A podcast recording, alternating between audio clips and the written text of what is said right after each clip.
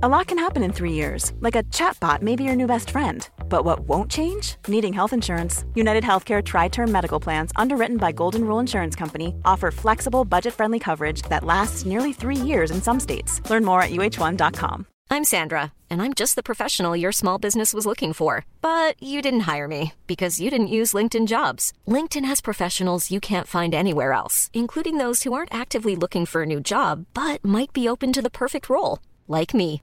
In a given month, over 70% of LinkedIn users don't visit other leading job sites. So if you're not looking on LinkedIn, you'll miss out on great candidates like Sandra. Start hiring professionals like a professional. Post your free job on linkedin.com/people today. Many of us have those stubborn pounds that seem impossible to lose, no matter how good we eat or how hard we work out. My solution is PlushCare. PlushCare is a leading telehealth provider with doctors who are there for you day and night to partner with you in your weight loss journey. They can prescribe FDA-approved weight loss medications like Wagovi and Zepbound for those who qualify. Plus, they accept most insurance plans. To get started, visit plushcare.com slash weight loss. That's plushcare.com slash weight loss. Veckans sponsor är Telia. Hos Telia samlar man mobil, bredband, IT-support, mobilväxel, allt som gör företagande enkelt. Och det är just det här att samla allt på ett ställe, att ha någon att vända sig till när det inte fungerar, det är Telia. Ett exempel på vad som inte är Telia, det är ju som när jag lyckas boka förmötet för en poddinspelning med Finansinspektionen till efter själva inspelningstillfället. Eller när jag här, här året var liksom, fick för mig att jag skulle börja springa, så jag är liksom ute och springer taggad, träffar en kompis som säger så du Jan, på måndag ska jag springa ett lopp.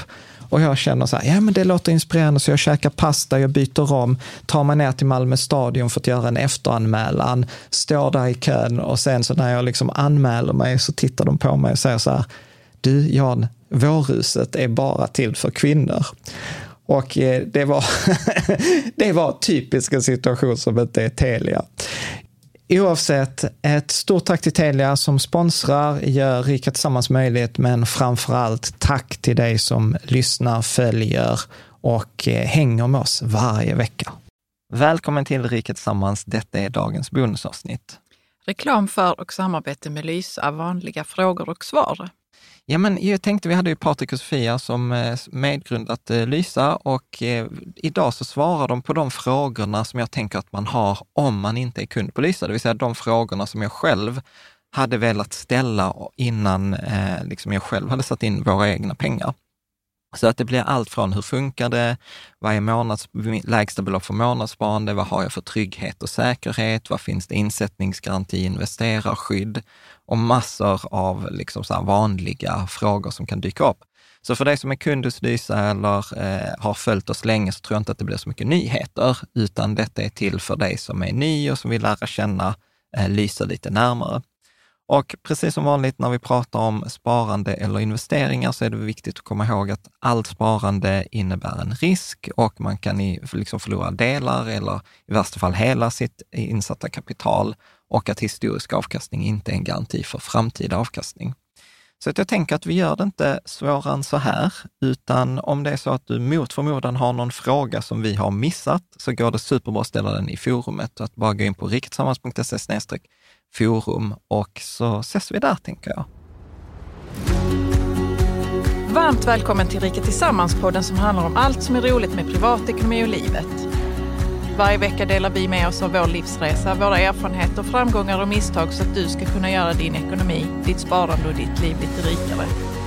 Vi som driver denna podden heter Caroline och Jan Holmesson. Varmt välkomna Patrik Adamsson som är vd och medgrundare till Lysa och Sofia Wärmlöf Helmerich som är eh, fondförvaltare och investment manager på Lysa.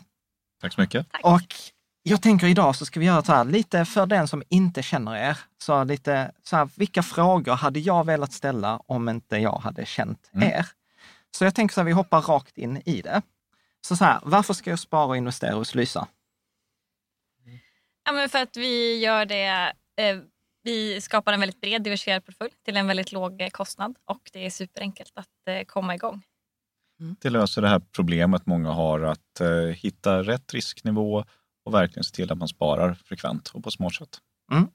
Och vad, vad ska man säga så här, vad är löftet? Vad är det jag kan förvänta mig om jag blir kund hos er?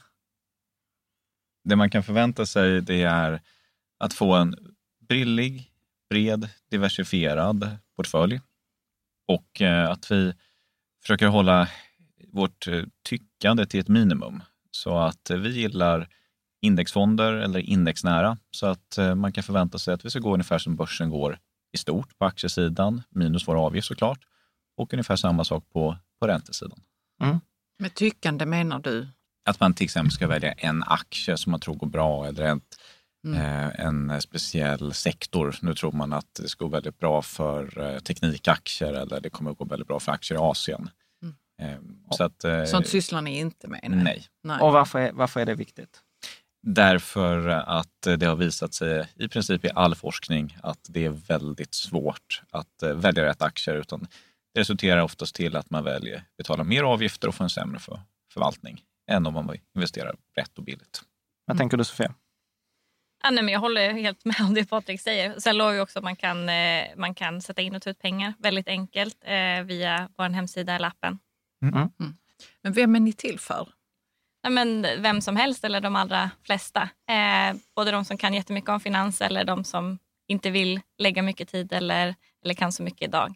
Mm. mm. Spelar det någon roll hur mycket pengar man har då? Nej, vi har, jätte, vi har ingen minimigräns alls utan eh, finns till för alla, så väldigt inkluderande på det sättet. Mm. Jag kan ibland också tycka spännande, vem är ni inte till för? Vem, vem, vem, vem, passar, liksom så här, nej, men, så här, nej, sorry, du är inte... Men man kan väl säga att det kan finnas eh, antingen personer som vill för hela sitt innehav så att säga ha starka åsikter om att man vill välja specifika aktier och tror att man kanske kan slå marknaden baserat på det eller specifika sektorer. Eh, och man vill helt enkelt tajma marknaden. Eller personer som eh, vill, ska man säga, ha kanske lite mer av den här private banking-upplevelsen eh, som man får för det blir inga middagar på Grand. Det blir, det blir inga middagar på Grand. Det blir det inte. Man får gärna komma förbi kontoret på en eh, kaffe. Det är... det är det vad ni erbjuder. Det blir ja. bra. Så här, eh, när, när ni pratar med kunderna, vad, vad är de vanligaste anledningarna till att de säger att de väljer er? Det absolut vanligaste det är att det är enkelt. Det toppar alla kundundersökningar vi gör. Enkelt att komma igång, att investera. Enkelt även om du, som Sofia sa, är en van investerare att få en bra eh, diversifiering. Även om man är väldigt intresserad så måste man lägga lite tid på det helt enkelt. Mm. Så att, eh, det är det vanligaste. Ja, men också jag tycker jag hör folk som, som, har tänkt att de ska slå marknaden och försökt välja aktier och så har det inte gått och så tänker man vad skönt nu, nu ger jag det till Lysa och så kan jag Ja.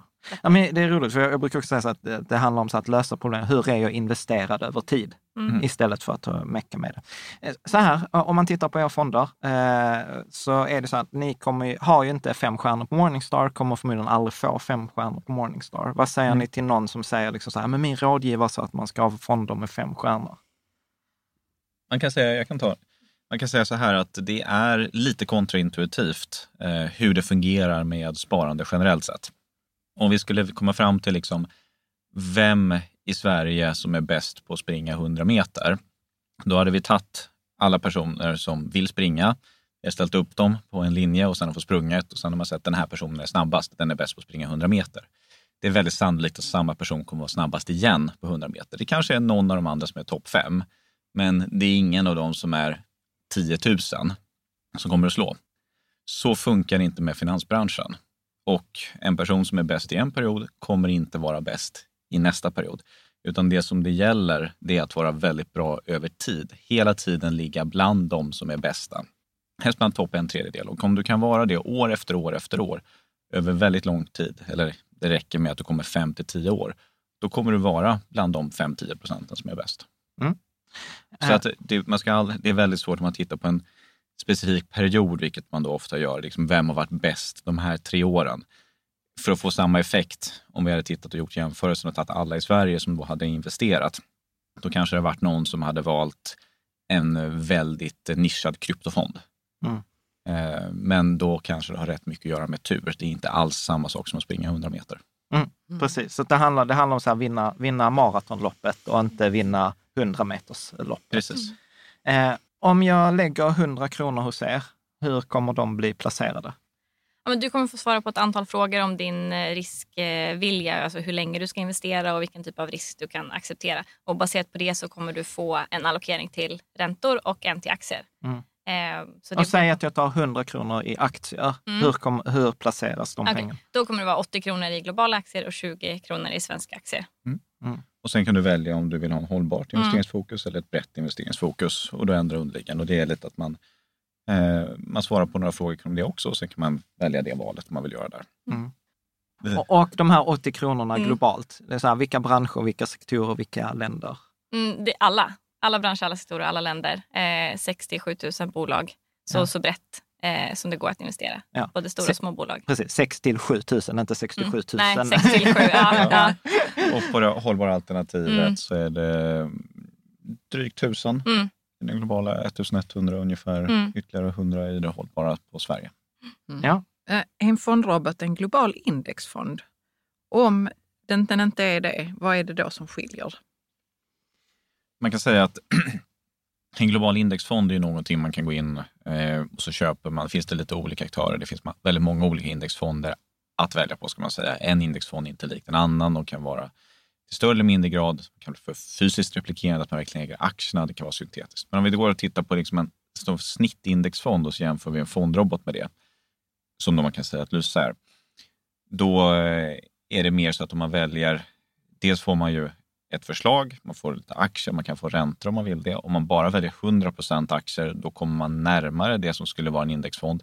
Men det du får kring det hela är också, det är ett helt plattform som är fokuserad på att investera just i den här fonden, där allting sker automatiskt och du inte behöver göra det själv.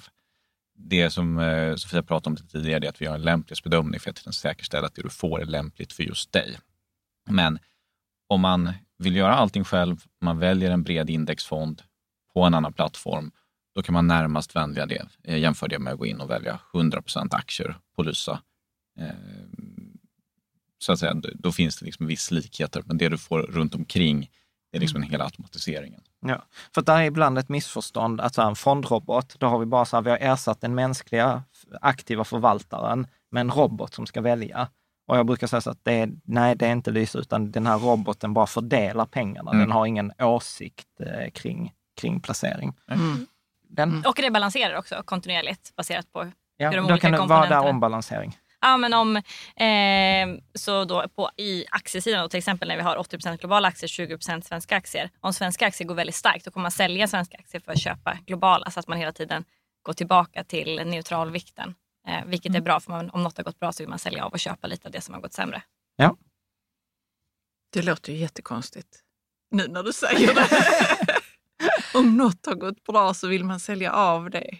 Men det har att göra med att det finns, sämre. och det är för att man vill bibehålla en viss risknivå. Så att om vi Mm. tittar på det istället att du ska ha 70% aktier och 30 räntor. Mm. Då förväntar vi oss att aktier går upp lite mer hela tiden över tid. Och när aktierna ökar i värde, då blir din räntedel hela tiden mindre och mindre. Men Mm. vi vill bibehålla Exakt. rätt risknivå varje tillfälle. Mm. Så att då säljer vi av det som i det här fallet gått bättre, aktier och köper Mm. mer av räntor. Och Mm. eh, tvärtom om räntor skulle gått bättre. För att vi vill hela tiden se till att bibehålla risknivån i portföljen. Ja. Vad är det viktigaste att veta om det hållbara sparandet? Att eh, det fokuserar på att över tid minska koldioxidutsläppen i portföljen eh, med 7% per år för att nå netto nollutsläpp, vilket är i linje med Parisavtalet. En netto nollutsläpp till 2050. Mm. Mm. Kan man spara som så här, barn, spara till pension, spara buffert? Det kan man absolut göra. Det finns lite olika sätt att spara till barn.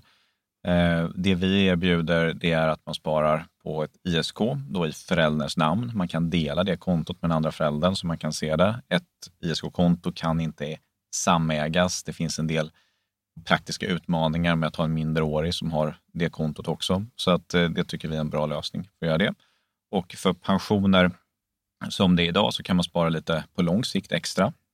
Vi eh, har faktiskt fått tillstånd för att driva också ett försäkringsbolag, fondförsäkringar. Så att eh, vi kommer att kunna erbjuda pensionssparande också i framtiden när vi eh, får igång det bolaget under nästa år. Precis. Men Mm. eget sparande, så att detta är min guldkant i pensionen, detta sparar jag Absolut. privat. Det, det, kan, jag, kan man göra, ja. Mm. Mm. kan jag spara pengar som jag har i företaget? Ja. ja.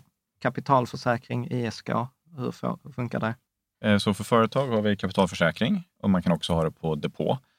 Ehm, det funkar likadant egentligen, eller systemet funkar exakt samma sätt som om du hade haft ett ISK.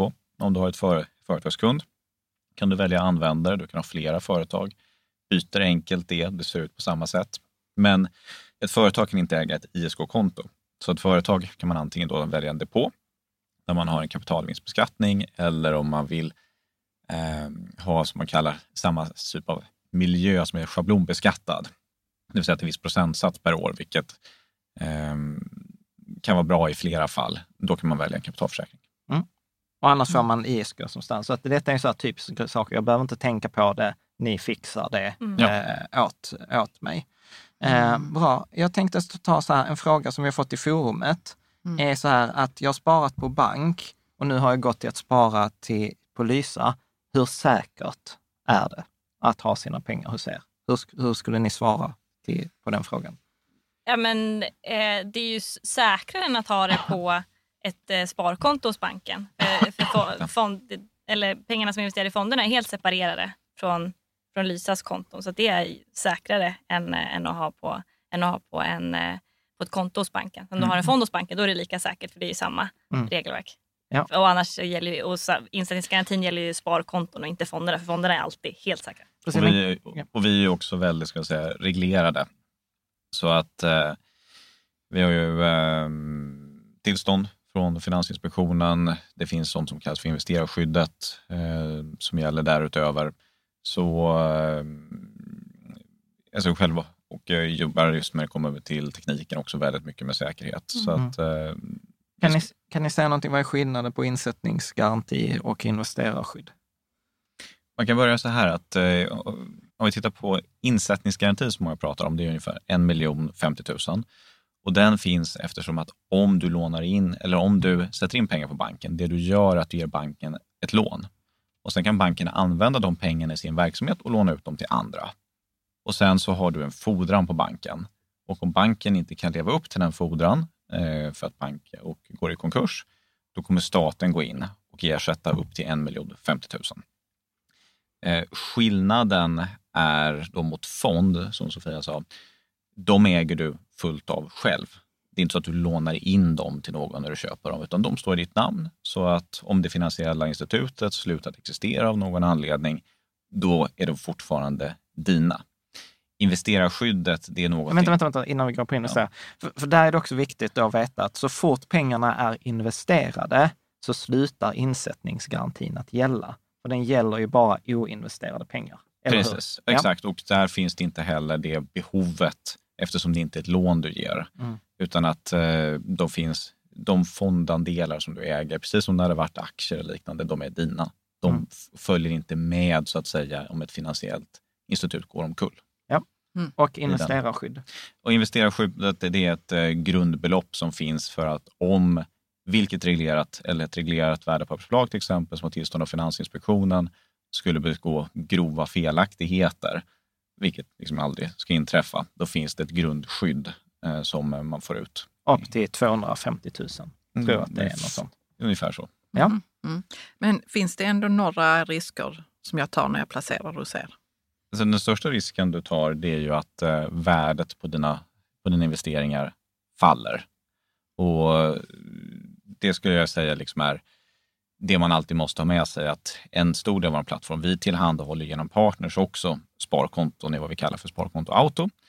Eh, som, eh, det finns anledningar att man vill ha sparkonton där man får en mer säker ränta med insättningsgaranti. Utan någon risk att det går ner. Mm. Ja, precis. Sen om man eh, vill, när man går ut och säger att man vill ha lite mer avkastningsbara på lite längre tid, då måste man ta risk för att få det. Och Det är väldigt fundamentalt i vår affärsmodell att hantera den risken. Det är därför vi börjar med räntefonder och sen därefter så kan man ha aktier också, ju mer risk man tar. Så att det är den primära risken man ska ha med sig. Sen om man kommer till andra risker kring Lysa, då finns det sådana faktorer som att eh, vi reglerade. Allting som kunden investerar hos oss är separerat från Lysa. Vi är välfinansierade med starka aktieägare. Vi har mer än 300 miljoner på kontot. Mm. Eh, och eh, också att eh, det som ofta leder till instabilitet i finansiella institutioner, det är utlåning. Sånt, det arbetar inte vi med, vi arbetar bara med sparkunder. Mm. Sofia, jag tänker om vi tittar så här, försöker kvantifiera det Patrik säger. Mm. Så vad kan man räkna med? Så här, eh, alltså så här, det här är viktigt att säga, så här, historisk avkastning är en garanti för Mm. framtida avkastning. Det är statistik och alla investeringar kan man förlora delar eller hela av Mm. sitt, eh, sitt kapital. Men Mm. om vi skulle så här, om vi skulle utgå att det är så, framtiden kommer vara ungefär som historien. Mm. Vad kan man räkna till exempel i så här m- m- nedgång? Om jag har en 100 aktieportfölj, Mm. vad ska jag räkna med att så här, om det går ner så här mycket så ska jag inte bli förvånad? Alltså, I finanskrisen så gick det ner liksom 40-50 procent. Eh, alltså 2008. Och det Ja. var ju ett extremt scenario.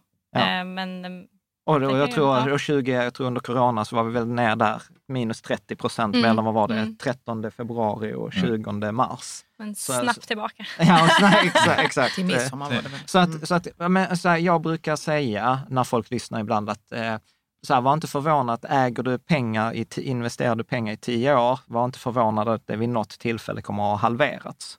Det är, Det, kan, det är en jättebra poäng och jag bara hoppar in där för det är lite av ett favoritämne. Och det, det är här det är så viktigt med att sprida sina risker. Nu sitter vi ju alla här i Sverige, vi hoppas det kommer gå bra för Sverige. Men det finns ju flera börser de senaste 120 åren, ungefär så länge man har börsdata tillbaka, som har gått till noll.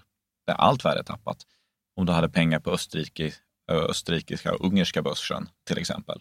De blev i princip helt utraderade. Så det är därför det är viktigt att sprida sina risker hela tiden. Men även om du sprider riskerna väldigt mycket, som vi är inne på, så, så kan det liksom i extremsituationer, och det händer från tid till annan, så kan du tappa 50 procent av värdet. Det vi tror över tid, det är att det kommer återhämta sig, för vi har en förväntan om ah, mellan tummen och pekfingret kanske ungefär en eh, 6-8 procent på aktiesidan per år så tror vi att den kommer hämta in igen sig. Och det är därför vi alltid säger om du investerar på lång sikt, då ska du investera mycket i aktier. Om du investerar på kort sikt, då ska du investera mindre i aktier, för då finns det en risk att den här stora nedgången inträffar och vi har inte tid att hämta igen den. Och då är det bättre att sätta pengarna mer mot ränteinstrument och sparkonton. Ja. Och vad ska man räkna på räntedelen? Så om jag har 100% räntor, vad är Mm. drawdownen jag ska räkna med då? Om jag äger det i tio år. mm.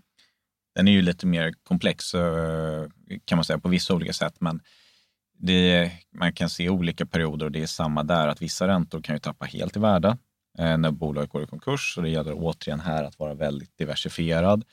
Om vi tittar på den senaste eh, perioden när inflationen började ta fast fart och räntorna gick upp i samband med att eh, eh, 2022, våren där så Som var sämsta, sämsta året för räntor sedan 1700-talet. Ish. Ja, åtminstone 1970 i alla fall. Men det, Ja. du kunde hitta några sådana där perioder med som var dåliga, men då är det ungefär ner ungefär 10 procent. Ja. I breda ränteportfölj under den tiden eh, fanns det många som gick Ja. ner. Och eh, förväntad avkastning, så vad är förväntad? Om jag har 100% aktier, vad är den förväntade avkastningen? 6-7 procent. Ja. Mm. Mm. Och förväntad avkastning på räntor? Den har ju gått upp nu, eh, så nu är yield to maturity nära 5 procent. Per år då alltså. Mm. Mm. Mm.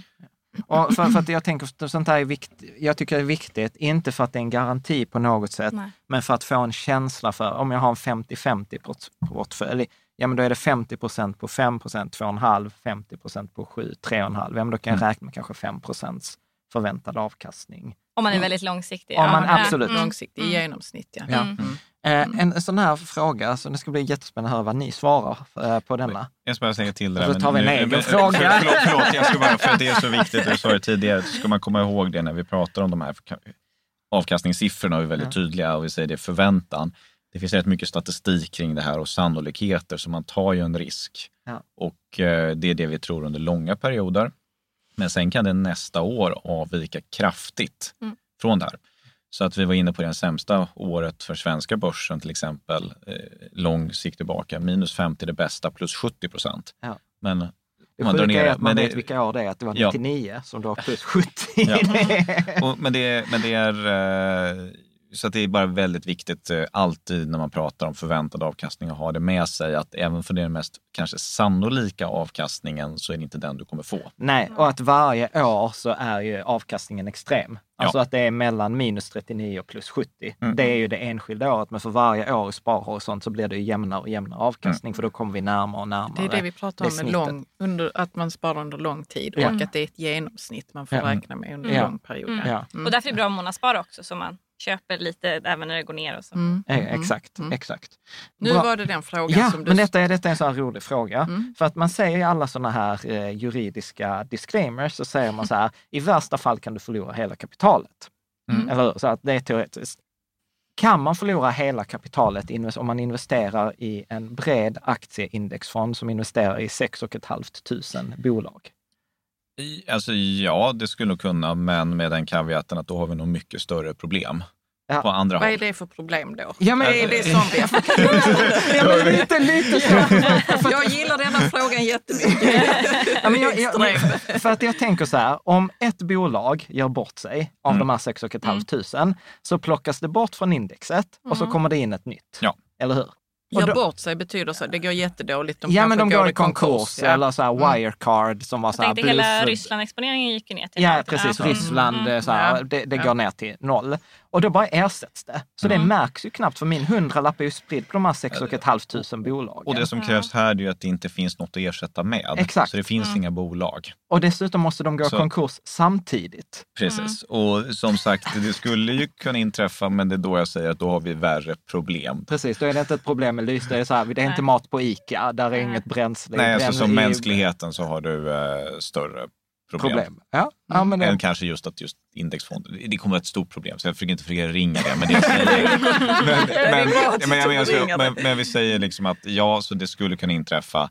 Men det innebär att världen kommer se väldigt annorlunda ut än Ja. vad den ser ut idag. Ja. Det kommer att inträffa någon riktigt stor katastrof. Ja. Så att och, och, och, det, och det är där också som jag gillar, som jag brukar säga, att eh, ni ger ju inget annat löfte än att du får den avkastningen som marknaden ger minus Mm. avgiften. Mm. That, that's it. Så att ni har inte så här, och vi kan navigera stormen bättre än andra, utan Nej. nej. Nej, men vi är snittet av marknaden. Och, och där brukar jag också säga så att ju fortare vi investerar inser att vi är genomsnittliga, att vi är mediokra och att det är helt okej. För att bara genom att vara medioker över tid så vinner jag ju. Nu hade vi ett koncept som var ungefär 40, minut, 40, 40 frågor på 40, minuter. Vi Jag går vidare. Vi går vidare. Jag, jag hade velat göra en utläggning där. Men kör, kör utläggning, det är okej. Ehm, nej, men alltså, jag tycker det är en jätteviktig poäng att förstå. Och eh, det är att eh, om vi säger att eh, man säljer någonting annat som säger att vi säljer så att du, eller snittinvesteraren, vi gör så att snittinvesteraren får högre avkastning än snittinvesteraren. Det hänger liksom inte ihop. Utan det jag menar med det, det är att alla tillsammans, eh, om marknaden ger 7 säg ett år, då är det 7% snittinvesteraren får. Om det är någon annan som ska ha 8% då är det någon som måste ha 6 Mm. Så att eh, då måste man hitta något sätt att hela tiden vara i den övre delen. Sen om man betalar en avgift på det här som kanske är 1 då ligger man redan efter. Så för oss handlar det, sättet som vi försöker vara smartare på, det var så effektiva när vi handlar, ha så låga avgifter som möjligt, se till att vi inte har läckage som vi pratar om, liksom försöka att hela rörrockeriet bakom Lysa sitter ihop väldigt tajt. Mm. Och det är det sättet vi tror att vi är smartare och försöka hitta så att inte, och inte hit, att inte göra så att vi kan bli lite lurade eller utnyttjade av andra. Mm. Precis. Eller våra kunder ska jag säga. Det känns som att vi hade kunnat ha ett eget Ja, avsnitt precis. om Det- här eh, med, med liksom passivt sparande. Ja. Men det finns, eh, det finns, jag länkar i beskrivningen. Nej, jag måste ta detta exemplet. Uh, nej, men detta har läst Losers Game av Charlie Ellis. Ja, absolut. Det, ja, ja, såklart. Uh, men det, det, Vad är en det för bok? Nej, men det, Det, en, finns, en, en det finns faktiskt artikel. en YouTube-video om det här också. Ja, som är- men det är en artikel från 70-talet eller 60-talet där Ja. Charlie Ellis var förvaltare, spelade tennis och han älskade tennis. Och så insåg han så här, det finns ett antal professionella tennisspelare. De vinner matcher genom att slå den bästa serven Mm. eller liksom så här. Men han var så här, jag är en ganska medioker tennisspelare. Hur jag vinner mina matcher, det är inte genom att slå världsmästarserven, det är att inte göra misstag. Mm. Om jag bara kan se till att jag, på, jag gör inte dumma misstag så kommer jag vinna matcherna. Inte för att jag är bättre, men jag gör färre misstag än andra. Så att sparande handlar om att göra så få misstag som möjligt och genom att du gör så få misstag som möjligt så kommer du vinna över tid. Och det är en, ett sånt misstag som har varit väldigt tydligt de senaste åren. Det är ju att investera i specifika aktier som är förhoppningsbolag som kan ha tappat nu under 2022 och 2023 kanske 70-80 procent. Det finns många sådana bolag på de mellanstora och små listorna i, i Sverige. Och om du väl har tappat 80 procent då är det väldigt svårt att komma igen. Mm. Och det är det som är så ointuitivt i sparande, att du blir bäst genom att vara medioker, genom att inte göra misstag. Och det är det som är så fint. För att misstagen kostar Det är så mycket. så mycket som du Mm. aldrig hämtar hem. Nej. Och det är det som är så fint, att jag brukar säga att all, det, detta kan ni sno. Jag brukar säga att alla investeringar som inte är en indexfond introducerar en beteenderisk. Mm. Och det är där man ofta miss, eh, liksom misslyckas. Och det fina är att en indexfond gör ju inte misstag på det sättet. Nu måste vi gå vidare. Ja, Eh, ska du ta den? fem. Mm. Är mina pengar låsta eller kan jag ta ut dem när jag vill? Ja, det går bra. Man kan Mm. ta ut dem när man Så, vill. så jag sätter in dem på måndag och sen på onsdag kan jag ha tillbaka dem. Ish. Jag tror att vi lovar inom tre dagar. Ja, alltså det, så att eh, när du väl sätter in dem måste de investeras. När du tar ut dem så säljer vi av. Eh, då är det liksom upp till tre bankdagar ska man säga, under normala förhållanden. Sen kan det inträffa, som gjorde 11 september, att amerikanska börsen stängde under flera veckor. I den typen av situationer så finns det inget sätt för oss att få ut Nej. pengarna. Eh, om, liksom, om marknaden stänger. Men oftast behöver vi inte ens sälja för att du kanske tar ut och Patrik sätter in. Då kan vi. Ja. Men Det var, när var det som de stängde i flera veckor? 11 september 11 september Exakt. 2001. 2001, så jag något Ja. Nej, nej, nej, Nej, sa nej, det. var... Ja. Nej, men då Nej. stämde de i, i flera veckor. Så att, eh, Om man har sitt barnsparande, sitt företagssparande, är det inte en risk att ha, man har allt i samma liksom, indexfond? Nej, men alltså, förstår ni, detta, detta är en sån fråga som jag får. Ja. ibland. Ja, nu är att, blir det inte en risk att då har jag valt, för man har ju hört att man ska sprida äggen, Mhm. eh, att inte ha dem i samma korg. Ja, och eh, just när det kommer till om man tittar historiskt på fonder, indexfonder, så är det en, ska jag vilja säga, en säker konstruktion som också är väldigt tydligt reglerad. Ehm, och så, så att det är, det är en säker konstruktion Mm. till att börja med. Så att eh, nej, vi ser väl inte, jag ser inte riktigt den risken. Jag ser en större risk kanske att man gör det för komplext för sig själv och därför inte investerar pengarna så som man borde och inte ligger investerad. Mm. Så att eh, det är en, också när du väl har investerat i den här fonden, då sprids det ut till alla de här bolagen. Mm. Så att, exakt, så man har ju inte dem i en korg, du har ju dem i 10 000 eller 6 000. Man kan säga som en fond fungerar, det är ju som att det är ett, eh, om man ska ta det på ett väldigt lätt sätt, så är det flera liksom, eh, gemensamt ägda konton Mm. som alla de här bolagen finns på. Så att eh, på det sättet så kan man också poola in kapitalet. Det gör att även om du har en hundralapp kan du investera i flera tusen bolag delas upp det. Och kring den här så att säga, fondkonstruktionen så finns det flera så här rigida säkerhetsåtgärder. Dels jobbar vi väldigt mycket med det som kallas för första linjen ehm, för att se till att det här är säkert. Sen har vi separata oberoende kontrollfunktioner som är risk och eh, compliance. Sen därefter har vi något som heter internrevision som granskar att de först, första och andra linjen sköter sig. Kan vara för tredje linjen. Sen har man en extern revisor och så har man styrelsen. Så det är ett extremt stort fokus på just säkerhet i de här konstruktionerna. Är ni lönsamma och kan stå på egna ben? Vi är inte riktigt lönsamma än. Eh, Däremot så tycker jag vi kan stå på egna ben eh, eftersom att vi har, eh, som jag nämnde tidigare, ungefär 300 miljoner eh, på balansräkningen. Vi har en eh, prognos som gör att vi eh, kommer vara lönsamma inom inte en alltför lång framtid. Men det vi har gjort flera gånger det är att vi har satsat. Så att eh, vi har fått väldigt mycket förtroende för kunderna. Eh, nu förvaltar vi 27 miljarder kronor ungefär. Eh, och det gör att eh, istället för att säga att nu förvaltar vi 27 miljarder, ta en avgift på det, så har vi sagt att ja, men nu ska vi också göra, ge oss in i försäkringsbranschen och starta försäkringsbolaget, det kräver kostnader. Eh, Så att vi har gjort den typen av satsningar kontinuerligt. och därför gått med vissa förluster. Men vägt upp det då med att ha tagit in väldigt mycket pengar och ha väldigt starka ägare. Så att Mm. vi klarar oss under väldigt lång tid, även om vi skulle fortsätta göra exakt, stå helt still med exakt samma typ av förlust. Mm. En fråga som jag får ibland så här, vad händer om Lyse går i konkurs? Vad händer med mina pengar då? Det som händer är att då, pengarna finns ju inte hos Lysa, utan de finns i fonderna på ett eh, förvaringsinstitut. Så att eh, det som skulle inträffa när det kommer till Lysa fonder, det är att eh, pengarna finns hos förvaringsinstitutet som skulle ta över förvaltningen av fonderna. Och vilket Och sen- är det? Vem är det? Danske Bank. Ja.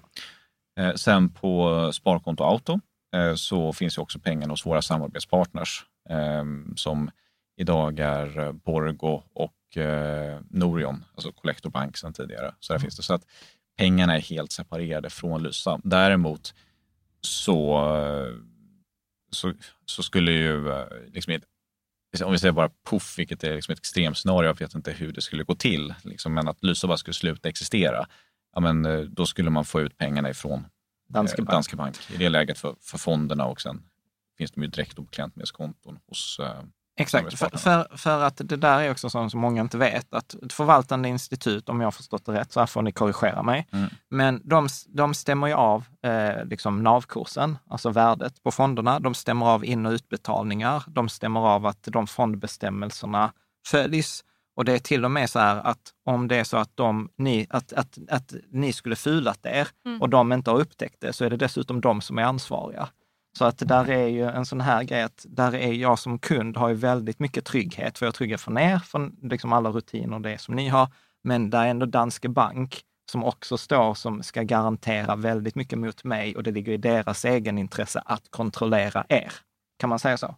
Nej, men, eh, så är det. De, för Danske Bank är förvaringsinstitut och det man kan säga kring de här fonderna så finns det massor med olika regler. Dels hur eh, pengar ska flyttas, hur man ska handla, hur man ska hålla sig inom olika limiter. Eh, Det kontrolleras på flera olika ledder, bland annat av förvaringsinstitutet och Danske Bank. Det ligger liksom inom deras roll. Eh, Så att eh, så är det, så är det absolut. Eh, Sen så ska jag säga att eh, så, så det ska vara säkert. Sen exakt deras ansvar i det hela, det, det tror inte jag kan uttala mig Mm. lite om på det sättet. Mm. Eh, Nej, men jag, eh, så jag, tänker att det, jag tänker att det är viktigt att ta med sig här är att det är ofta ett missförstånd. För man pratar, vi pratar i dagligt tal, jag lägger mina pengar hos Lysa eller i Lysa, vilket är ju de facto inte det man gör. Man lägger sina pengar i de fonderna som ni har valt ut. Och dessutom är ju aldrig så här, pengarna är ju aldrig på ert konto. Nej, utan- den utan pengarna- separationen Oh, är superviktig. Ja. Alltså det är helt Och- och det- fundamentalt. Ja, och det, är så, och det är inte så många som vet att det är så. Och sen att det är dessutom för att ni står under Finansinspektionens tillsyn. Mm. Eh, Och vad det är för någon som inte vet det, vad innebär det? This Mother's Day, celebrate the extraordinary women in your life with a heartfelt gift from Blue Nile. Whether it's for your mom, a mother figure, or yourself as a mom, find that perfect piece to express your love and appreciation. Explore Blue Nile's exquisite pearls and mesmerizing gemstones that she's sure to love. Enjoy fast shipping options like guaranteed free shipping and returns. Make this Mother's Day unforgettable with a piece from Blue Nile. Right now, get up to 50% off at BlueNile.com. That's BlueNile.com. Hiring for your small business? If you're not looking for professionals on LinkedIn, you're looking in the wrong place. That's like looking for your car keys in a fish tank. LinkedIn helps you hire professionals you can't find anywhere else, even those who aren't actively searching for a new job but might be open to the perfect role. In a given month, over 70% of LinkedIn users don't even visit other leading job sites. So start looking in the right place. With LinkedIn, you can hire professionals like a professional. Post your free job on linkedin.com/people slash people today. A lot can happen in three years, like a chatbot may be your new best friend. But what won't change? Needing health insurance. United Healthcare Tri Term Medical Plans, underwritten by Golden Rule Insurance Company, offer flexible, budget friendly coverage that lasts nearly three years in some states. Learn more at uh1.com. Nej, men, eh, det innebär att eh, få, för att få bedriva den verksamheten som vi har och eh, det är tre stycken verksamheter kan man säga. Det är ett värdepappersbolag, det är ett fondbolag och så nu ett, ett livförsäkringsbolag. Så, att, eh, så behöver man ansöka om tillstånd. Det följer massor med krav eh, och det är ju bra för att vi har hand om folks besparingar, pengar som man måste följa. Ehm, det innebär att det finns väldigt tydliga regler, lagar ehm, på europeisk nivå, på, från svensk nivå, från Finansinspektionen som vi hela tiden måste förhålla oss till. Mm. Ehm, och eh, på det sättet, och det är därför man lyssnar till Finansinspektionen säger de att om man ska göra affärer så ska man göra affärer med någon som finns i vårt företagsregister. Man ska inte göra affärer med någon som inte har tillstånd för att bedriva den här verksamheten i Sverige och man ska absolut inte göra affärer med någon som finns på deras varningslista. Mm. Ja, Nej, men jag, tror att det är, jag tror att det är viktigt för att det där är ju, jag, jag, tycker det är så viktigt för det är en risk. För om man blir av med hela sitt kapital så är det så jättesvårt att komma tillbaka mm. och därför är detta viktigt, eh, tänker jag. Ja, absolut, och det är ju ett stort förtroende vi för våra kunder som vi tar ja. på största allvar. Ja, och sen är det ju dessutom revisor som också granskar där. Vem, vem har ni som revisionsbolag? Så att eh, vi har eh, som eh, Grant Thornton som extern revisor. Sen har vi en intern revisor som fungerar som styrelsens förlängda arm in i verksamheten och styrelsen vill granska specifika delar av hur verksamheten sköts. Och där har vi Ernst Young i bolagen som gör det. Och sen så har vi då kontrollfunktioner som man säger också, mm. som är anställda på vissa roller har vi det som konsulter, ibland har vi det som heltidsanställda som inte deltar i den dagliga verksamheten utan enbart granskar det den dagliga verksamheten gör. Mm. Mm-hmm. Snyggt. Mm. Ja. Är det, känner du? Jag tycker det är tydligt. Ja. Bra. Mm. Ska du ta? Eh, men eh, vad kostar det att vara kund hos er? Ja, det beror lite på vilken, eh, om man väljer att spara eh, brett eller hållbart och vilka fonder som ingår eller om man väljer med sparkonto auto. Generellt kan man säga att vår snittintjäning per sparkrona är eh, ungefär 0,2 procent som då går till Lysa och till våra externa samarbetspartners. Återigen, det här, det här beror på. Eh, men Vanguard, AMF, eh, Öman så är det ungefär ytterligare 0,15. Nu räknar jag inte in transaktionskostnader i snitt. Så men det är ungefär 0,35? Exakt, om vi inte räknar med transaktionskostnaderna, eh, mm. spreadkostnader i det. Och det beror också lite på vilken fond man är. Men då tillkommer det allt från några punkter till, till kanske en, ja, i de hållbara räntefonden 0,15. Något sånt där. Mm. Man om man ska titta exakt på de här siffrorna, för det är lite olika, så jag försökte ge en liten bild av det. Då är det bäst om man går in på lysa.se mm. men, men, man, men som tumregel, mellan säg 0,4-ish så ligger man ganska nära. Säg ja, ja nu. Ja, ja. Det, det, är ungefär, men det är, man vill ju vara så precis som möjligt. Men ja. på generell basis, ja. ja. Där är alltid så, vi har alltid så folk i forumet som tänker så här, kan jag inte göra detta bättre och billigare själv? Mm. Vad, vad svarar ni till, till det? man kan göra allt själv, ja. alltså, tänker jag. Eller om man vill. Man kan bygga sin egen tvättmaskin. om, om man vill. Har du sett på Youtube? ja. trampmaskin. Uh, mm. Ja, men, uh, vi är ju ja, mer än 50 personer som jobbar med det här och försöker vara jättenoggranna. Men det är klart att man kan... Ja. ja. Men jag, jag, brukar, jag brukar tänka också så här, ja, alltså vi har ju, vi har... Vad är arbetet bakom att göra det själv? Det måste det är inte, ju ta men, jättelång men, tid. Men det är ju som den här klassiska ja. med bilmekanikern. Det ja. handlar inte bara om tiden, det handlar om att du behöver ha kompetensen. Mm. Mm. Och, och, jag brukar ju säga så här, ja det är klart du kan göra det själv, men hur värderar du din egen tid? Hur vet du att du har gjort rätt? Mm. Hur mm. vet du alla mm. de andra grejerna? Och sen beror det lite på, för att det finns ju flera fonder som vi har, som har kunder får genom oss som inte är tillgängliga mm. för snittsvensken. Det går inte att investera i dem i princip på någon plattform som ja. Vanguard till exempel. Och det, då måste man också på något sätt förhandla till sig institutionella priser, liksom riktigt låga avgifter, mm. vilket är svårt för en, om inte för säga omöjligt för en privatkund. Ja. Mm. Ja, jag, jag, Sen, jag tänker framförallt att det är vissa produkter som inte går. Alltså mm. en valutahedgad. Eh, mm. bred mm. räntefond. Svårt. Ja, och eh, absolut. Mm. Uh, och så om man skulle liksom så här, för detta är också en vanlig fråga som kommer i forumet ibland. Så, här, så vad är, uttryckligen har de skrivit så här, vilka är fördelarna som Lysa bidrar med som motiverar priset? Ja, men den här eh, lämplighetsbedömningen, att du får liksom en portfölj som är bra för dig långsiktigt med rätt risknivå. Eh, och kontinuerlig ombalansering så att din portfölj alltid är liksom stabil och optimal för dig. Eh, och sen eh, bred och billig eh, förvaltning. Mm. Vad tänker du? Vill du lägga till någonting? Jag tycker det är en bra sammanfattning. Alltså, Men det som du sa innan, att det är vissa produkter som man inte kommer åt också. Eh, och att ni jobbar med att hela tiden få ner priserna. ju. Alltså, Jag tycker ni är, så, ni är så fina, men, men jag är så här också att... Det, det, var, det var fel svar. Nej, det var fel. Nu, nej, jag, jag tänker ju också eh, så här, enkelheten och framförallt också att ni tar bort möjligheten att gå in och pilla och fucka upp sitt sparande. För jag Ja. vet till och med jag som har gjort detta i 25 år, häromdagen så fick jag feeling för du vet så här, nu har räntan eh, gått upp, nu är det lönsamt med globala high yield-fonder. Gick in i Karolins sparande, så här, bytte i din tjänstepension. Caroline kommer och jag bara, ah, jag är helt entusiastisk, Titta, nu har jag förbättrat din pension här. Jag har valt sådana fonder eh, global high yield-fond och så tänkte jag så här, nu kommer jag få beröm.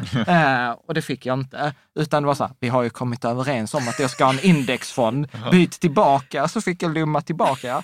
Och detta är en typisk sån här grej, hur, hur, liksom när man är entusiastisk och sånt, att man fuckar upp sin portfölj för att det är för mycket valmöjligheter. Och hos er så är, skulle jag säga, fördelen är att det är inga valmöjligheter. Så jag, jag, för, jag kommer hamna i forskningen att jag gör rätt för jag investerade långsiktigt på samma sätt. Absolut, sen kan jag säga att ofta när börsen faller med 30 procent kan det liksom krävas en vilja av stål för att sitta kvar så att säga i, i båten och hålla investeringsplanen. Så även om vi har tagit bort den typen av valmöjligheter väldigt medvetet, för vi tror inte att det är något värde, så händer det ju även hos oss att kunder väljer att gå ner och ta ut pengarna eller att man viktar om mot räntor eller aktier och det försöker vi eh, Man ska alltid kunna ta ut sina pengar med en gång om man vill. Så det är, Men då försöker man bara se vad är anledningen med det här? Är det att man tror att det ska fortsätta gå ner? Det kanske att man har valt lite fel risknivå? Eller finns det något Eh, eh, annat? Får jag bara fråga, så, för jag brukar inte gå in och hålla på med mina pengar där på Lysa. Nej, Jag kan säga så här, Men vänta, vänta, vänta, vänta, vänta, vänta, det- vänta. Det var jag som går in och jag, får, jag kan säga så här, Karo har fått ett mejl av er som heter så här, du har inte varit inloggad på så länge att du borde logga in. För det var så här regulatoriskt Ja. mejl att så här, har du inte varit inne i över ett år så behöver du logga in och säga att du lever. Ja. Nej, men jag tänker, eh, vad är, det, vad är det som ni gör då om man börjar hålla på och gå in och, och ska liksom vikta om eller ta ut pengar och så? Får jag något mejl eller? Nej, jag kan säga att den, den säger så här, detta är vår rekommendation efter vad du har sparat. Nu håller Ja. du på att fucka upp. Det står de Det inte. står där, inte det. Men det står så här, du avviker från vår eh, rekommendation. Är du säker på att du vill göra det här? Ja, och då, i, i det fallet så finns det också två, vilket är väldigt viktigt eh, att ta med sig. Att eh, om man kan ändra om det, då tycker vi fortfarande att förvaltningen är lämplig för dig. Men eh, du, du avvik, vill vi säkerställa att det inte är att du drog liksom, fingret lite fel. Om det, är, om det är så att du vill avvika ännu mer, säg till exempel att du har ett kort horisont men du vill ha 100% aktier, då kan vi klassificera att det här är olämpligt och då kommer inte vi göra det åt dig även om du vill.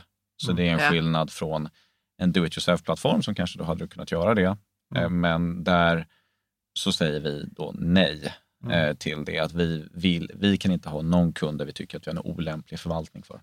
Men den, för den stora risken är att när, när det går ner då blir man ju, man blir ju ännu mer riskavärt och så vill man inte förlora ännu mer pengar. Mm, och så väldigt- säljer man. Men då kanske man missar de här liksom, Mm. liksom dagarna med återhämtning. Ja. Eh, som Ja. kan kosta lång, mycket på lång sikt. Ja, men exakt. Verkligen. Mm. Snyggt. Så att jag, jag gillar ju så här, att det är massa andra fördelar som är runt om. Att det Mm. är enkelhet, det går snabbt att komma igång. eh, Det är, jag, jag, Man kan jag glömma bort man det kan i glömma- decennier ja, man ifall kan glömma- ja, vill. men exakt. Så Och det- som och- jag känner att Ja. jag vill. och då vill du det inte ha någon som kommer in och meckar med Nej. det. Men det skulle jag säga, och just den här, det är anledningen att vi påminner att man måste gå in, det kan vi uppmuntra alla, eh, ändå att göra att det inte är så att vi bara sätter in det och sen kan vi glömma bort det. Det är det att vi har ett ansvar hela tiden att se till att den här förvaltningen är lämplig för dig. Och om inte vi får någon ny information om dig på tre, fyra, alltså tre år, eh, då blir det svårt för oss att börja se, är det här verkligen lämpligt fortfarande eller har det hänt så mycket i era liv? Och därför behöver vi få in den här informationen. Ja. Sen finns det också ett krav från regleraren att om man inte har varit inloggad och tittat på sina konton, då vill man att man loggar in och tittar på det. Och det är för att det har hänt att eh, eh, det har funnits strukturerade produkter som har tappat mycket värde, och men kunderna har inte vetat om det. Nu, Jag tycker ingen någonsin ska ha en strukturerad produkt. Eh, Men, eh, och då har man satt som krav att man vill att kunder ska gå in och titta, eller Mm. åtminstone få Ja. liksom den här uppdateringen. Nu börjar vi bli långrandiga. Ja, nu får jag hoppas exakt. Men det, är- det är är- lite komplexa frågor. För, Min, min, vad är Det är minimibeloppen? kul. Minimibeloppen för att komma igång? Om man säger för månadssparande är det 200 kronor, en eh, minsta insättning är 1000 kronor. Om jag har eh, pengar eh, oinvesterade, Mm. alltså vid sidan av, ska jag investera allt på samma gång eller ska jag sätta upp det som ett månadssparande? Det, det beror lite på om du vill ha det teoretiskt korrekta svaret eller det praktiska svaret som vi tycker fungerar bäst i, te- Ja, men ta, bå, ta båda två. På- På en minut. Eh, det, det teoretiska svaret är att du ska investera allt omedelbart. Och sen om det går ner 40 procent i övermorgon, då var det tråkigt. Liksom. Du kommer sitta kvar för att förstå att det är ekonomiskt rationellt. Precis. Hade Problem- du gjort det hundra gånger så hade du tjänat på det. Ja, Men det har man ingen Så glädje in, in av. med allting med en gång. Problemet är att om du gör det och sen så tappar du mycket pengar i övermorgon, då kommer du tycka att du är en idiot. Det hade jag tyckt i alla fall. Och sen så vill man ta ut det och liksom och sluta spara. Så att det vi vill försöka också kombinera det med att undvika den här beteendemissen. Så då brukar jag säga alltid att det är bättre att gå in lite pö om pö. Sätt upp det som ett månadsspar. Gör nu, dela upp den här totala summan, kanske om det är en större summa, i 12 olika potter och sätt in varje månad. Eh, Man kallar det för dollar weighted averaging, att investera. För att du kommer komma in i marknaden, men du kommer också må bättre av det. Ja. Om det blir en stor nedgång. Och sen som jag alltid gillar så här, i ekonomi så kan man göra både och. Ja. Att man kan, kan börja med halva summan och sen månadssparar man halva summan. Absolut. Till exempel. Ja, det är bra. Om jag har pengar investerade på, på något annat ställe, ska Mm. jag då bara sälja av det, ta ut pengarna och sen sätta in det hos er? Om du har det på en annan ISK så ska du flytta ISK till Lysa. Mm, ja, för det, det, det som, som jag skulle gjort är att sålt av och sen flyttat in på Lysa. Men Då kommer du, du få säger betala så, mer i, skatt. ja okej. Ja. Men hur gör jag det då? Flyttar mitt ISK? Då ringer du eller mejlar till Lysa-supporten. Det finns faktiskt en Toppen. eh, funktion som eh, man kan flytta ISK på under insättningar som Ja. man kan välja som är flytta. Ja. Så det kan du göra helt eh, automatiskt så hjälper vi dig med det. Ja. Det jag ska säga, det är en liten passus där och här finns det ett bra system, att det finns krav på hur man ska kunna flytta ISK. Det är det här som eh, jag hoppas också kommer komma till inom försäkringsvärlden för flytta pensioner som är betydligt mer krångligt, där inte finns de här strukturerna på plats som det gör för ISK-flyttar. Ja.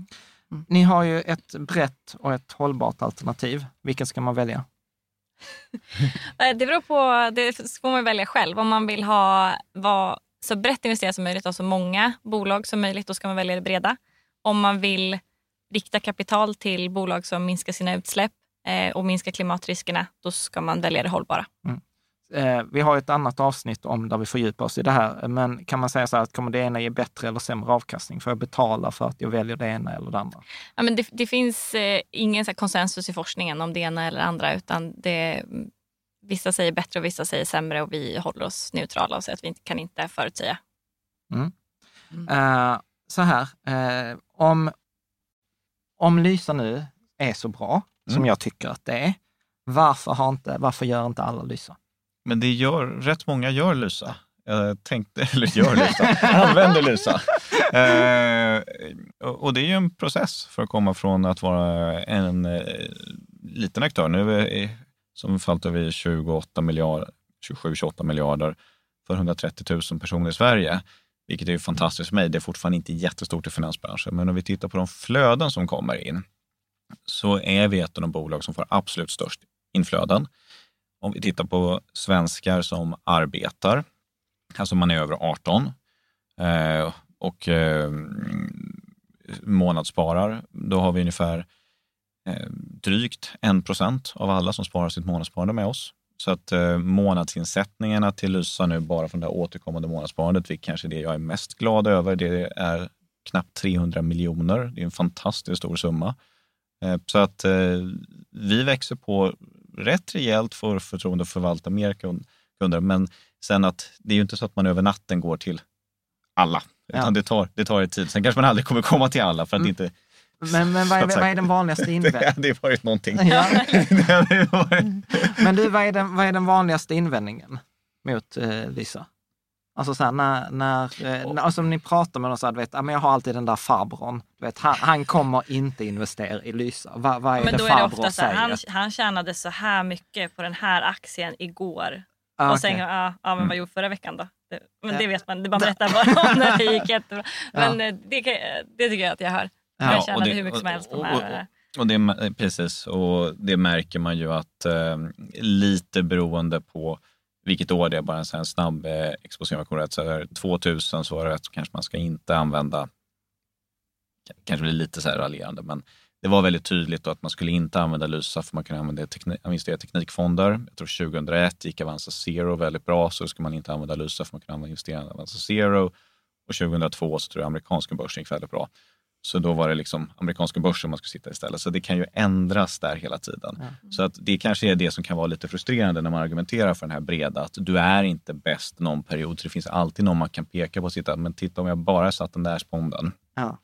så hade det gått bättre. Och det är den vanligaste Ja. invändningen, att jag maximerar inte. Det hade kunnat gå bättre om jag hade valt precis den här fonden. Problemet är att det är helt omöjligt att välja just I den för- fonden i förväg. Ja, Mm. Så du blir, Och alltid, du blir alltid jämförd med den som vann det senaste 100 metersloppet. Ja. Eh, Och det är fint, det är liksom lite natur, men det är absolut Ja. eh, den Vet du- vanligaste invändningen. Ja, jag brukar ibland få höra invändningar så att det är tråkigt. Eh, Ja, och det, och, det är inte att ni är tråkiga, utan, ut- utan att... Det är väl sådana som vill ha det- det lite som en hobby. Ja, men så- Ja, det- liksom det- det- med sina pengar. Och här tror jag kanske är bland det bästa råden man kan ge, och det är ju faktiskt när det kommer till sparande, det är att definiera vilken del av ditt sparande som du vill ha roligt med. Så att om vi pratar dina barns sparande, är det någonting som man vill ha lite roligt med genom att satsa på spekulerande- spekulantbolag eller bolag med hög risk i? Eller om man tänker på det Precis, för, gemensamma för, för, för, förlåt, jag får Ja. säga. Bara så att man har samtalat med barnen så här, ah, när de fyller 18. Jag sa att jag hade tänkt att spara, egentligen hade du kunnat få 250 000, men jag tyckte det var så roligt med techbolag. Så nu blev det ingenting. Nej. Ingen som någonsin har den konversationen och, så, och, så, och, då, och då, då hör man så här, vet, Lyxfällan så här, hade du roligt så här, vet barnen om att du rökte med farmors pengar i arv? Vet barnen att du hade techbolag för att du skulle ha roligt? Så att där kan man säga att för att ha det smarta sparandet där så ska det inte vara särskilt spännande. Om det är en adrenalinkick för att se, jag tar i lite, liksom, hur, vad står barnsparandet i nu liksom, Mm. när man går in på det, då är det inte så smart.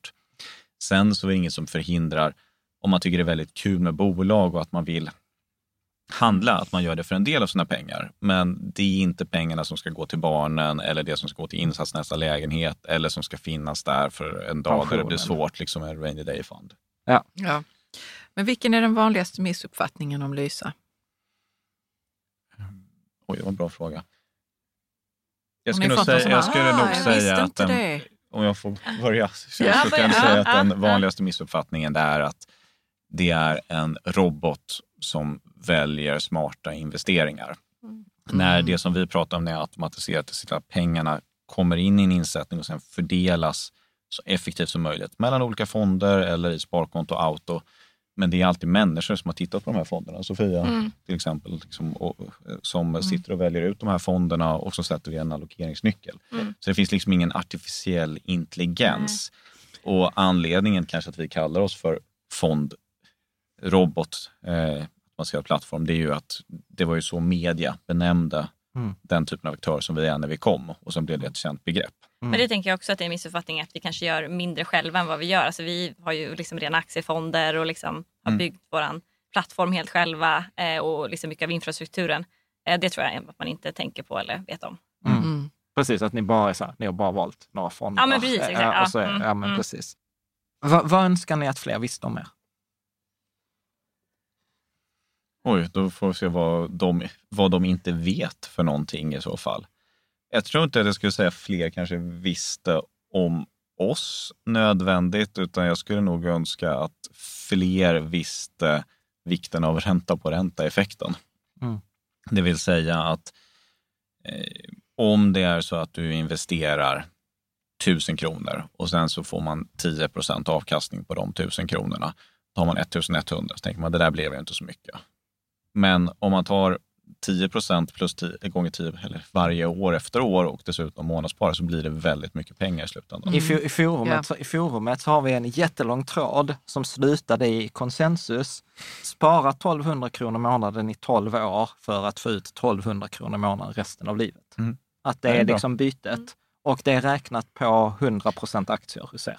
Ja, precis. Och, och där är det också viktigt att börja väldigt tidigt. Så Mm. att, eh, att man, jag tror att man får upp den här liksom, träningsmuskeln, att man hela tiden sparar varje månad. Att man börjar Mm. med det väldigt tidigt. För Mm. att det är inte för sent att börja spara när man är äldre, men du kommer få en väldigt stor effekt om du börjar spara Mm. när du är 20. Jag brukar, jag brukar, jag, jag brukar Nej, men jag tänker också på, eh, alltså, eh, ja, men, eh, unga personer, vi kommer ju inte kunna leva på vår pension. Liksom, det är inte uppenbart att vi kommer göra det. Det är jätteviktigt att, att vi börjar spara och här är liksom ett jätteenkelt Mm. sätt. Eh, skulle jag, ja. Ja.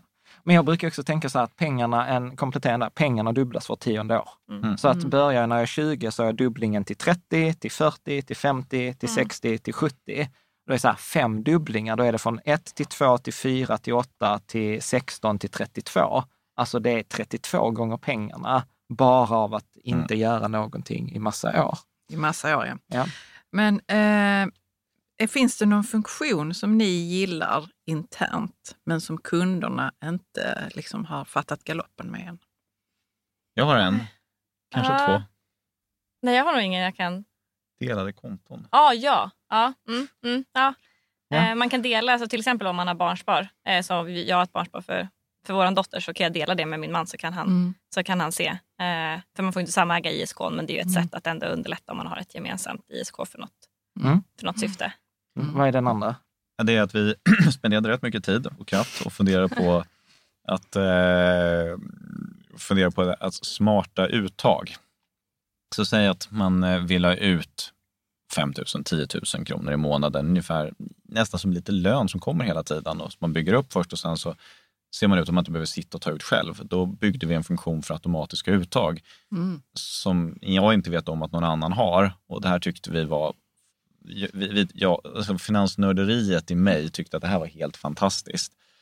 Och det är ingen som använder den. Ja, men, men jag kan säga så här att de som, där är några som använder den Ja, det faktiskt. finns som, några äl- som som använder den. älskar den. Och jag, kan Men- säga, och jag kan säga så här, ibland så hjälper jag folk med så här ekonomisk livsplan. Ja. Och då säger jag så här, skitbra, du vet, då har du pengarna på Lysa och sen där börjar du uttag. Och Lysa har till och med en funktion för uttag. Ja. Så folk så, tar för helvete inte bort Nej, den ska- för att men- folk ser fram emot den. Och det, och det är bra att veta för att, eh, nu, nu har jag inte exakt siffra, men eh, det är inte fler än 100 personer som använder den. Eh, och Av jag- 130 000. Ja, men 30 000 och det skulle kunna vara färre än 50. Så om man tittar liksom rent logiskt så hade man ju tagit bort den. Ja. En, eh, en till funktion är att vi har en sån rabatttrappa så om man stoppar in mer pengar så blir kostnaden lägre. Det kanske man inte vet om man bara har en liten det del vet, hos det visste inte jag. Nej, Ja. nej, okej. Men, vad, vänta här man nu, vad går jag från i avgift i, i den här rabatttrappan? Man kan säga så för att eh, det, beror, eh, det beror lite på liksom hur, men eh, man kan säga att ungefär från 0,24 procent och sen kan man gå ner till 0,15 procent. Och då kan man fråga varför har ni en rabatttrappa? Liksom, varför gör man på det här sättet? Och det, det finns faktiskt en, en del i det som är i finansbranschen. Att större kunder, eftersom man tjänar en procentsats på dem, då tjänar man mer pengar. Vilket gör att det inte är ovanligt, även om vi har låga avgifter, för att behålla en kund, att Mm. bankerna lägger in ett pris under det Mm. eh, i så fall. Mm. Och så Ja. därför behöver vi Mm. också ha det, känner vi. Men, men där känner jag också så att det som jag tycker är så fint med er är ju så att oavsett om jag kommer med 100 kronor, 1000 kronor, 10 miljoner, så får Mm. jag samma Exakt samma placering. förvaltning. Mm. Så får jag exakt samma produkt, Mm. eh, så att säga. Men vilka är det som eh, står bakom och äger Lysa? Så att eh, de eh, största, om man tittar eh, ägarna, eh, Eh, tillsammans, liksom, det är vi som har, har grundat eh, Lysa och sen eh, har vi också anställda. Eh, om vi tittar på externa så eh, är det eh, Niklas Storåkers som var första vdn för Avanza och byggt upp det och eh, har en investeringslåda som heter Janne nu. Och, eh, sen så har vi eh, Carl-Johan Persson inom Filien och Ramsbury som är familjen Perssons eh, investmentbolag som är huvudägare i H&M. Och sen har vi eh, Noidi och Company som är ett eh, bolag i Göteborg. Det här är de eh, som har ungefär 10 procent. Mm. Eh, och sen har vi ett eh, gäng lite mindre ägare också som är med. Bra. Eh, vad, vad är ni mest stol- stolta över med den här med Lysa och resan? Nej, Jag, jag, tycker, jag är jättestolt över att vi är så liksom inkluderande. Alltså, det är verkligen finansiell inkludering och hjälpa alla att komma igång och spara eh, oavsett förkunskap. Jag tycker det är jätteviktigt och är stolt över det. Mm. Jag blir lite glad varje månad när månadssparandet kommer in. Eh, ska jag säga. Så att vi har ju, eh, det, för en typsparare så är det 2 000 kronor, vilket är rätt mycket i månadssparande och eh, det närmar sig 100 000 som månadssparare med Lussa. Mm. Och som sagt, eh, totalt månadsspararberäkning i allting börjar närma sig eh, 300 eh, miljoner i månaden. Så att det, är, det är väldigt mycket pengar och även om man jämför det med eh, nätmäklarna eller banker, vad ligger automatiserat sparande? Då ligger vi väldigt högt. Ja, mm. Snyggt. Mm. Eh, avslutningsvis, det vi inte har pratat så mycket om är sparkonto. Ska ni säga någonting mer om eh, det? Ja, Sparkonto Auto. Eh, det är ju en eh, ny tjänst vi har. Eh, de som tar sikte på att det är väldigt många i Sverige som har nästan ingen eller till och med 0 procent i ränta på de pengar man har på transaktionskonto. Mm. De senaste vi tittar för hur det såg ut för ett halvår sedan så var det två tredjedelar av alla pengar som privatpersoner hade på eh, bankkonton som inte hade någon avkastning överhuvudtaget. Så det är ett lätt sätt att få ut pengarna på um, banker, kreditmarknadsbolag som ger lite högre ränta. Där ligger räntan nu på 3,9 procent mm. innan våra avgifter. Nu sitter här i eh, efter avgift 3,7 procent. Nu när vi sitter här i första december. Mm.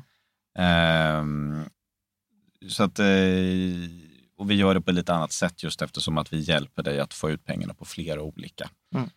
Men man kan väl säga att det är precis som det är allt det andra ni gör. Så här, okay, vi har inte så mycket åsikt, utan vi försöker göra den bästa lösningen i aktier, i hållbart, i räntor, eh, även i sparkonto. Så att, så att jag brukar väl säga så här att ja, men, ni är, eh, nu är vi ju tillräckligt gamla, men jag brukar ibland säga så att det är som, som när man spelade Super Mario Bros. Alltså, ni är inte optimerade på alltså vi ska ha högst avkastning eller vi ska ha absolut lägst avgift, utan så här, det är viktigt för oss att vi är bra på det mesta. Mm. Liksom att inget ska vara dåligt, eh, utan vi håller liksom, vi är ja, men bra på allt, mm. men inte bäst på något. Nej. Så kan man säga. Och sen kommer det komma en eh, ny produkt, hoppas vi nästa år, som vi kan slå ett slag för. Eh, och det är att vi eh, kommer börja arbeta med pensionssparande också då. Mm. Inte Eh, till att börja med kommer vi fokusera på pensioner man kan flytta in till andra aktörer till oss för att få Lysas förvaltning. Och där kan jag säga att om man är intresserad att eh, lite, få lite mer information om det så kan man mejla till kontakt.lysa.se. Mm. Så kommer man få lite förinformation när vi är redo med den produkten och kanske om man vill hjälpa oss att produktutveckla den också. Mm. Grymt! Ja. Snyggt! Det blev inte riktigt 40 frågor på 40 minuter, men, men detta är ändå så ett av våra kortaste avsnitt på en timme, så jag tänker att vi rundar av där. Och man kan ta kontakt med er via hemsidan lysa.se, mm. man kan ladda ner app via App Store eller via Google Play. Man får också gärna, om man vill komma i kontakt, eh, kan man skicka ett mejl till patrik.lysa.com. Ja. Eller mm. .se. Eller .se. Ja, men snyggt. Ja. ja, men stort tack för att ni kom. Tack. Tack.